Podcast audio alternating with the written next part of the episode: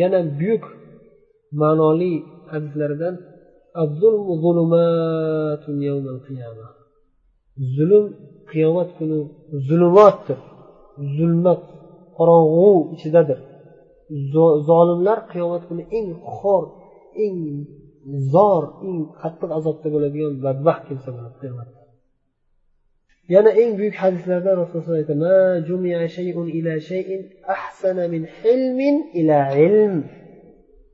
bir narsani boshqa bir narsaga qo'shilganda go'zal bo'lsa eng go'zal qo'shiladigan narsa ilm bilan ilm dedilar. Ham ilmli bo'lib ham halim inson bo'lsa eng go'zal narsa shu bo'ladi.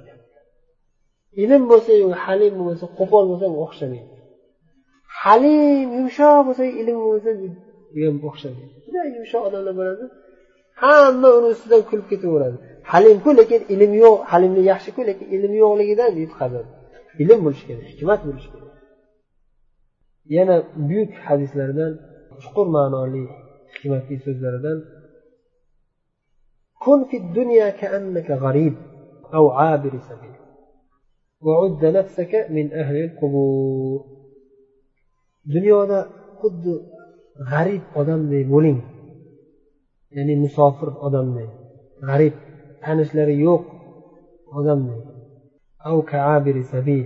yoki yo'ldan o'tib ketayotgan bir odam. Dunyodan o'tib ketib bir yo'l. Siz boshqa joyga ketyapsiz. Maqsadingiz boshqa joyga yetib olish. Bir rohat farog'at oladigan joyga yetish. Yo'lda ketyapsiz. Siz bir daraxt bo'lib qoldingiz. Boshqa hadisda aytilganday musofir odam yo'lda ketyapti o'zini vataniga borolmoqchi yetib olmoqchi yo'lda charchaganda bir daraxt tagida ozgina dam oladi ketadi.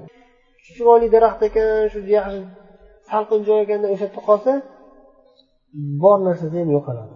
E, u yog'iga yo'lga yurolmaydigan bo'lib qolib ketadi safarda halokatga uchraydi. Aqlli odam bu daraxt mani uyim emas deydi va ozgina dam olib yana ketishim kerak. Tezroq yetib olishim kerak uyga deb turib e, yo'lida davom etadi. Dunyo shunday.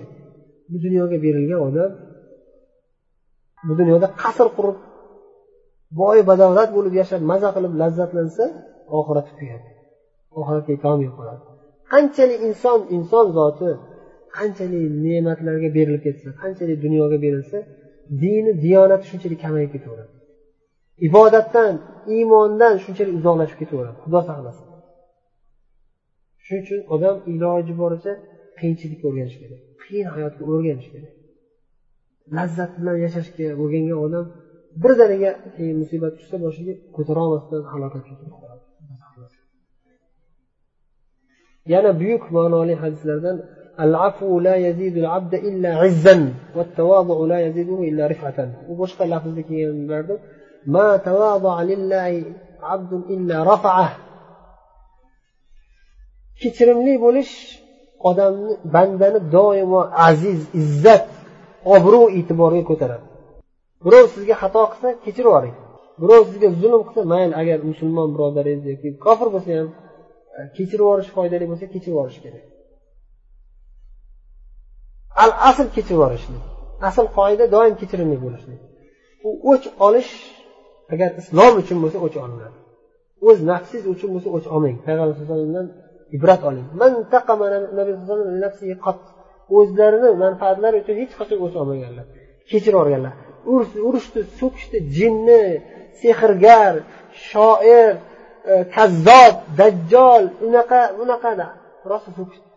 Hammasini kechirib yubordilar umuman e'tiborga ham olmadilar. Derdilar.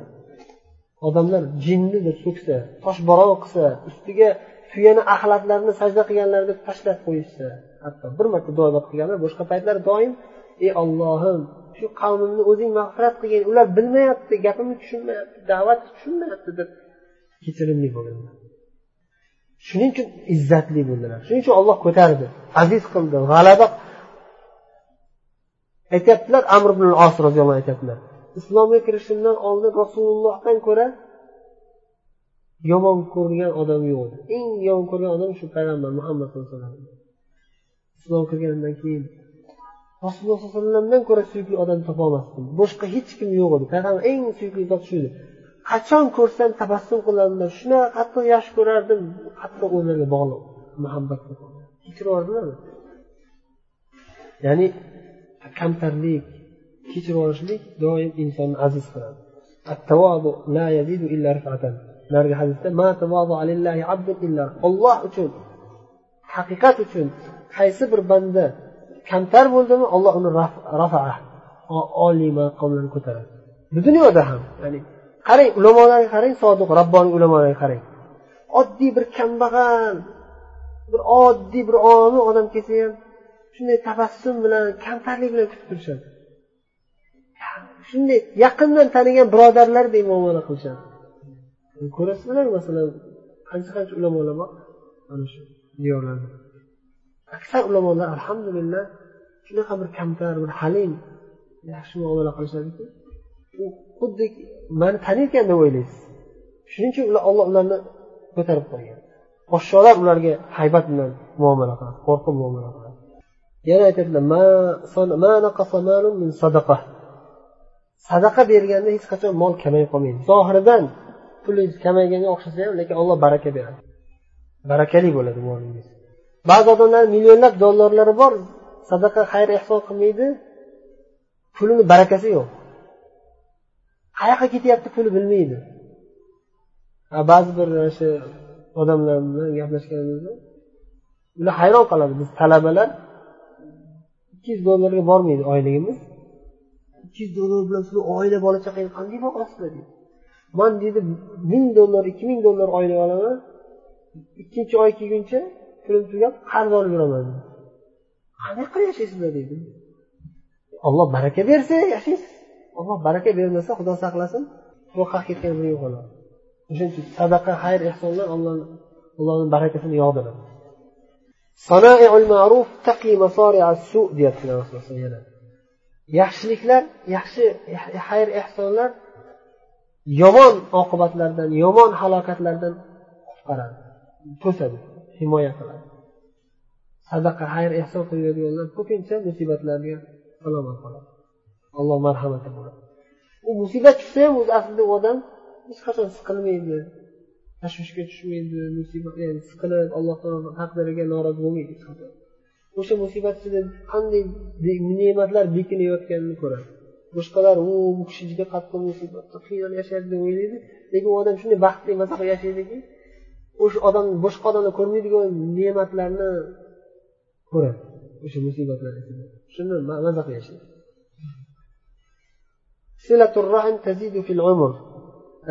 Siylay rahm qilishlik qarindosh urug'larga yaxshilik bilan yaxshi muomalada yaxshiliklar qilishlik umrda umrni ziyoda qiladi dedilar umringiz barakotli bo'ladi اللهم إني أعوذ بك من شر فتنة الغنى وشر فتنة الفقر yana duo hadis bu hadis duo ekan ey ollohim boylik fitnasining yomonligidan kambag'allik fitnasining yomonligidan panoh berishingni so'rayman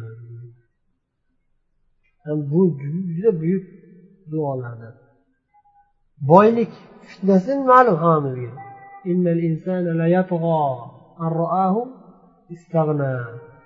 inson tug'yonga ketadi o'zini behojatligini ko'rsa behoja hech kimga hojat tushmasa kibrlanib ketadi. O'zicha hammadan tepada boy badavlat hammaga buyruq o'tadi. Xudo saqlasin tug'yon ketib qoladi. O'sha boylik fitnasini yomonligi. Endi ba'zi bir boylar bor alhamdulillah taqvoli juda ham kamtar e, alloh yo'lida xayr ehsonlar qiladigan boylar bor. Ular endi boylik fitnasidan panoh berilgan alhamdulillah. Endi kambag'allik fitnasi chatoq. O'zi kambag'al lekin alloh taoloni taqdiriga norozi. Nima uchun menga kambag'allik berildi? Man o'zi boy bo'lishim kerak edi alloh taqdiriga e'tiroz bildiradi. Yoki haligi aytganimizdek o'zi kambag'al o'zini boylardan ko'ra boyroq deb hisoblab ko'rsatish uchun odamlardan pul olib yoki o'g'irlik qilib o'zini boy qilib ko'rsatishib kibrlanib yuradi alloh taolo uchta uchtaga qaramaydi degan hadisda o'sha o'zi kambag'al lekin mutakabbir kambag'al. Shularni aytganlar xudo saqlasin. Ana shu kambag'allik fitnasi yomonligi. Alloh asrasin.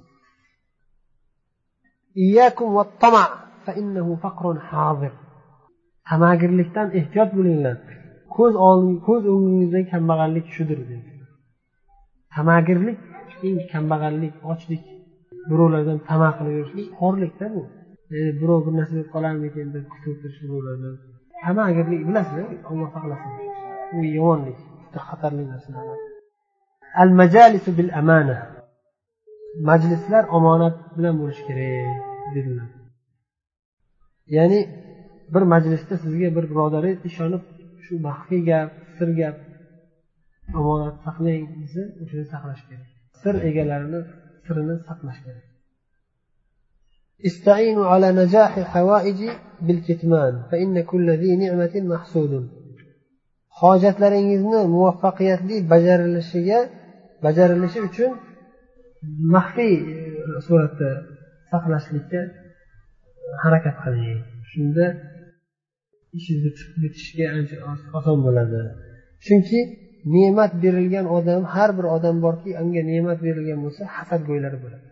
Shuning uchun bir ish bajarmoqchi bo'lsangiz o'sha ishingiz bajarilib muvaffaqiyatli bo'lguncha aytmay aytmay turavering oldindan to'ydan oldin nog'ora chalsa bitmay qoladi. O'shaning uchun bu ham bir hikmatlardan.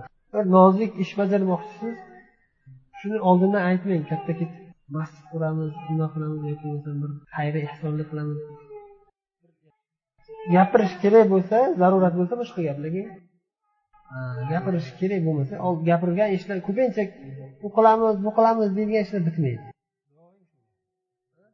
U qilamiz bu qilamiz deb katta rejalar tuziladida lekin voqeda o'sha narsa bitmay qoladi.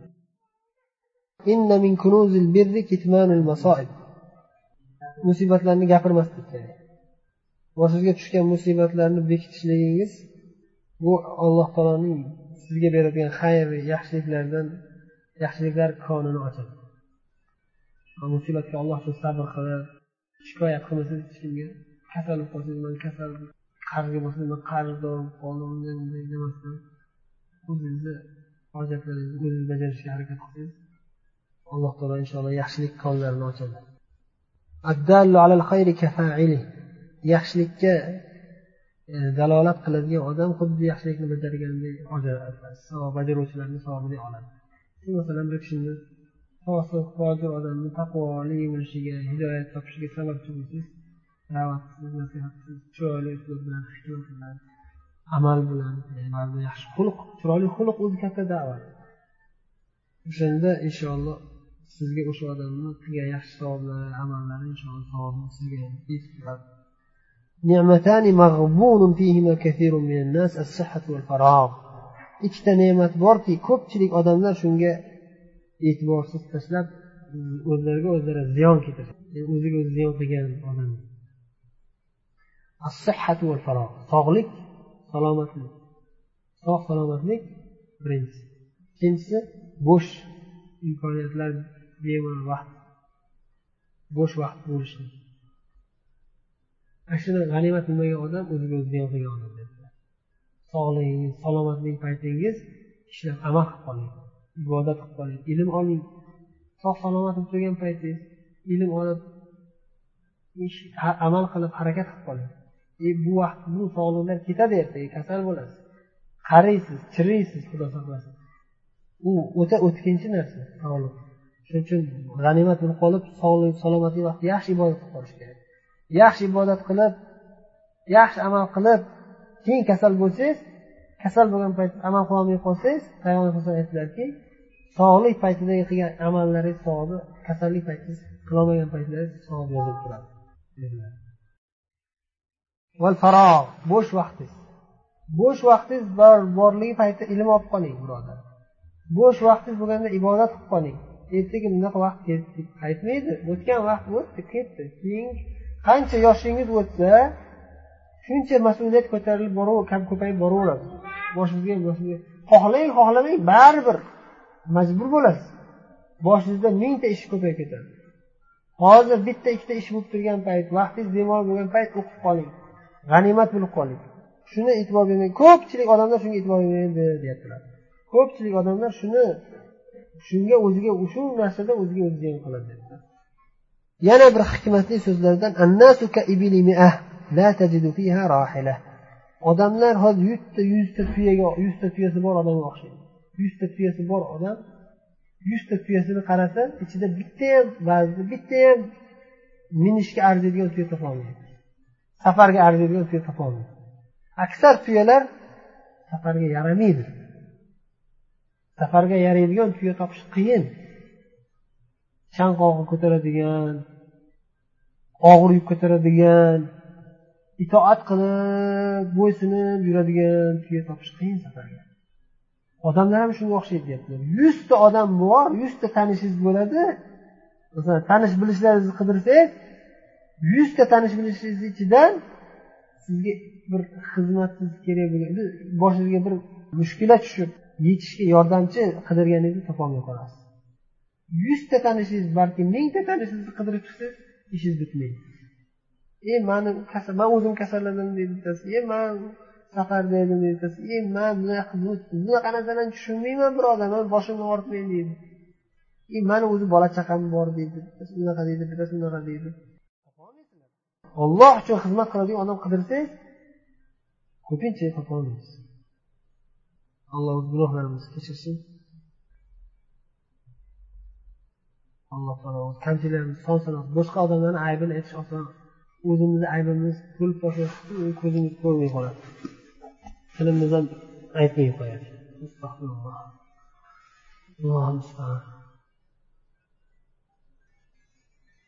لا تظهر الشماتة لأخيك فيعافيه الله ويبتليك shamata bu ustidan kulish deganda birovni ustidan kulish. Birodaringni ustidan kulmagin. Alloh unga ofiyat berib sani boshingga musibat tushiradi dedilar. Bu ham hadis ekan. Bizda o'zbekchada maqolga aylantirishgan birovni ustidan kulmagin zinhor sening ham ustingdan kuladiganlar bor.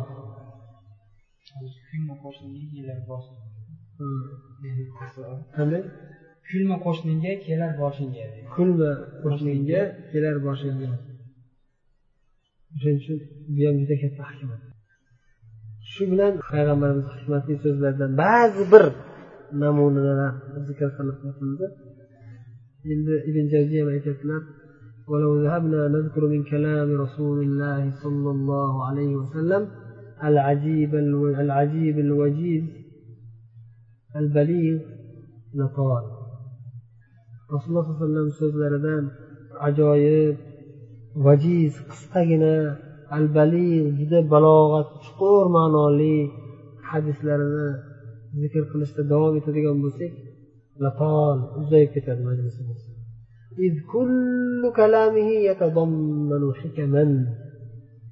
Chunki hamma so'zlar payg'ambar har bir hadislarga kelsangiz ichida juda ko'p hikmatlar bo'ladi.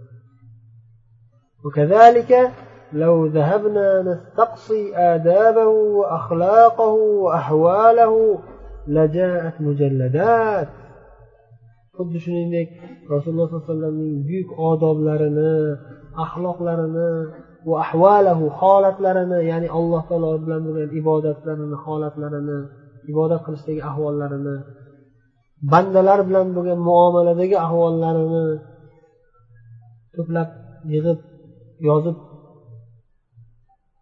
bayon qilamiz deydigan bo'lsak tom tom kitoblar yozilishi kerak bo'ladi. Haqiqatda o'zi shunday yozilgan tom tom kitoblar yozilgan ham payg'ambar alayhisalom axloqlari odoblari ahvollarini bayoni tom tom kitoblarda yozilgan.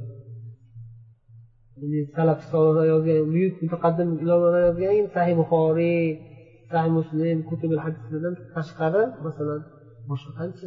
Eng qarang bu ham ollohni bir ikromi payg'ambarimizga odam alayhissalomdan tortib hozirgacha va hozirgi zamonda shuncha kitob kitobdonlar romanchilar yozuvchilar ko'pligiga qaramasdan biron bir shaxsning hayoti payg'ambarimiz sallallohu alayhi vasallam hayotida yozib keng sharhlanmagan.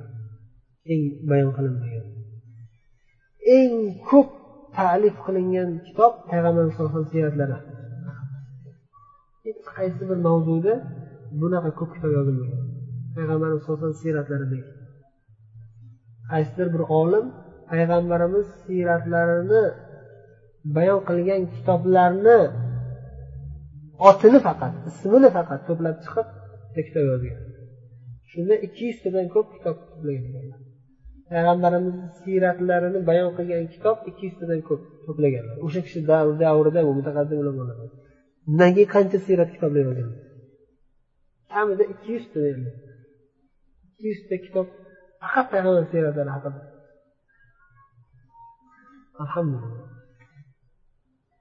Mana bitta misol zadul maad fi hadi xayril ibad. Ibn qayyim yozgan kitob. Besh mujallad. Besh mujallad payg'ambar hadiylarini sunnatlarini siyratlarini ahvollarini axloqlarini ibodatlarini muomalotlarini odamlar bilan qanday muomalada bo'lganlar dunyoviy muomalalari qanday bo'lgan siyar g'azovatlarini shuni yozganlar besh mujallatda va yana aytyaptilarki shuni boshida safarda ketayotgandim bekor ketmaydi yozib ketyapman yonimda boshqa kitoblar yo'q uncha muncha ma'lumotlar qolib ketishi mumkin. Yodimda borini yozaman deyaptilar. Yodimda borini va safarda ketayotganda yozyaptilar.